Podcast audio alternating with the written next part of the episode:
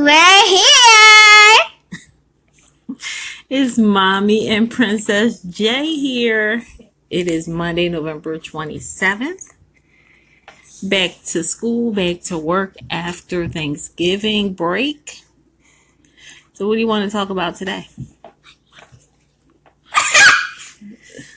No whispering. What do you want to talk about today? My makeup. Your makeup. What about your makeup?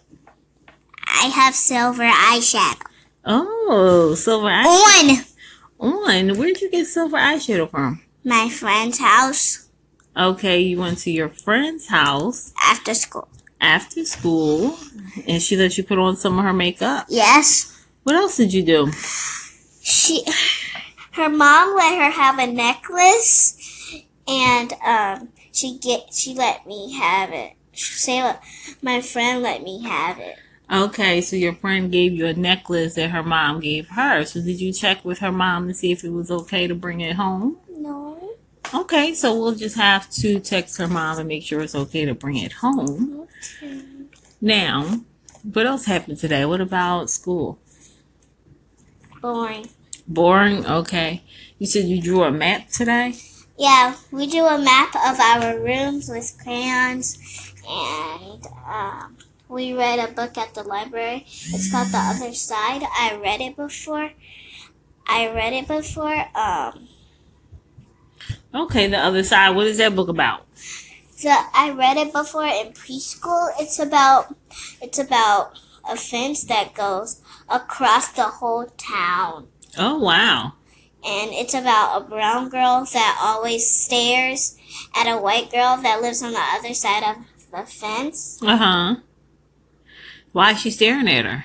because they want to play and they always see each other at the same places Okay, so why don't they play?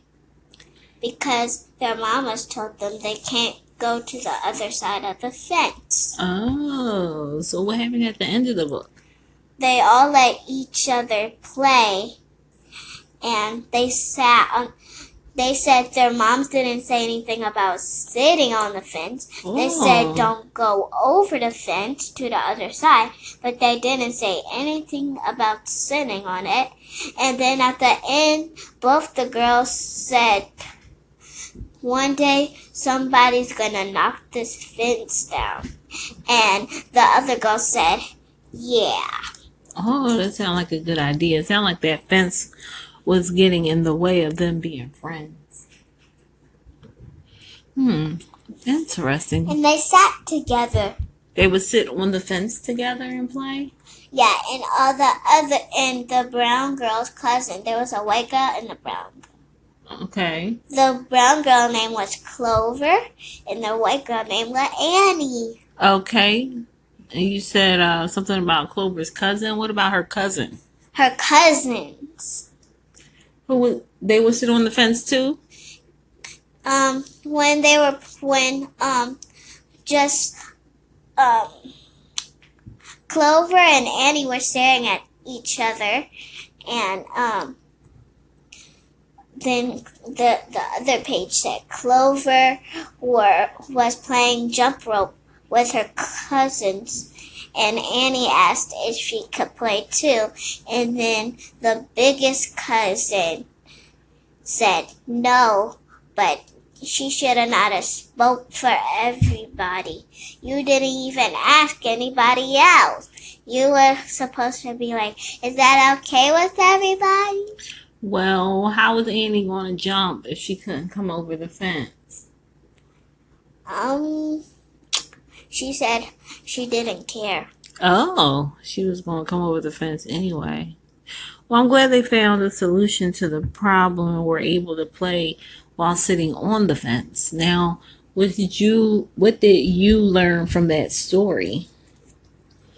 Don't separate anybody from another.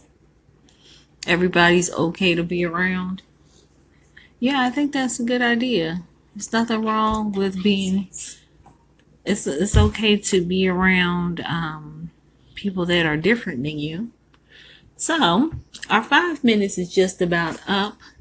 I think it's time to say good night. What's the name of that book again? Uh, the other side.